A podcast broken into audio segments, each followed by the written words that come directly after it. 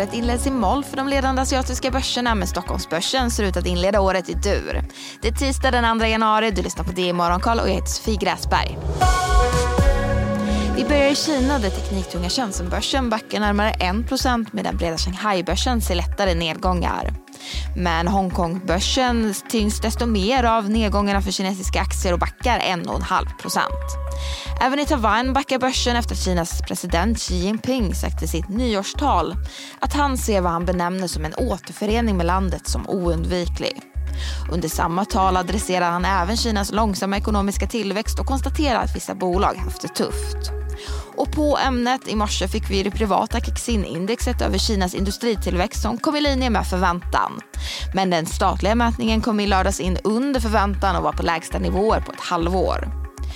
Men mot strömmen bland de ledande asiatiska börserna går Sydkorea där Kospi stiger 0,7% och tekniktunga Kostak över 1% i Japan däremot är börsen stängd tills på torsdag efter landet drabbades av en kraftig jordbävning på nyårsdagen. Omkring 100 000 människor fick evakueringsorder och minst åtta ska ha avlidit efter jordskalvet med magnitud på 7,6. I USA pekar terminerna i sidled inför årets första handelsdag.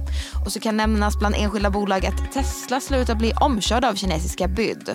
Det är efter att den kinesiska elbilstillverkaren släppt försäljningssiffror för fjärde kvartalet som ligger klart över prognosen för Teslas försäljningssiffror som släpps senare idag och förstärkt geopolitisk oro i Röda havsområdet får oljepriset att återstiga. Under helgen har Iran placerat ut ett krigsskepp efter att amerikanska flottan sänkt tre båtar från Houthi-rebellerna. Ett fat bränt kostar nu 78 dollar fatet. Nokia missar målen för 2023. Bolaget räknar inte längre med att nå sina prognoser för försäljning, jämförbar rörelsemarginal och fritt kassaflöde. Det meddelade bolaget i fredags kväll. Så till Sverige där Stockholmsbörsen ser ut att inleda det nya året muntert om en liten stund.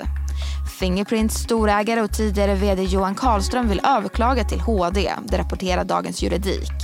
Den tidigare vdn dömdes i både tingsrätten och hovrätten för grova insiderbrott som ska ha skett 2013-2014 när han var vd för bolaget.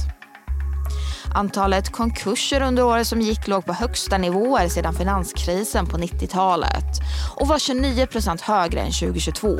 Det visar siffror från UC. Och blickar vi framåt, butikhandlarnas framtidstro försämrades i december. Det visar Svensk Handels handelsbarometer. Även e-handlarnas framtidstro försämrades.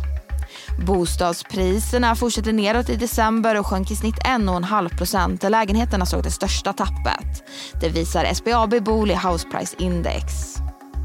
Och senare idag så får vi ta del av en inköpschefsindex för den svenska industrin. Och det ser ut att bli en munter inledning på året där index förväntas stiga upp till tillväxtgränsen på 50. Men det var allt för den här nyhetsuppdateringen. Det är Morgonkollet tillbaka igen imorgon bitti. Jag heter Sofie Gräsberg.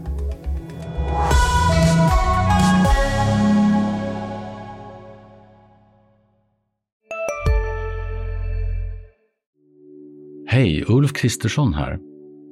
På många sätt är det en mörk tid vi lever i. Men nu tar vi ett stort steg för att göra Sverige till en tryggare och säkrare plats. Sverige är nu medlem i Nato. En för alla, alla för en. Där det finns ett samhälle, där finns det brott. Krimrummet är podden som tar brottsligheten på allvar. Jag bjuder in landets ledande experter och tar upp aktuella rättegångsfall för att begripliggöra den kriminalitet som kryper allt närmare. Du, alltså, du kan knäcka ett eller några gäng, men det kommer komma nya och så kan vi knäcka dem sen. Men att du ska knäcka allt forever, det kommer aldrig ske. Det är infinite gain. Lyssna på Krimrummet, en podd från Expressen med mig Kim Malmgren.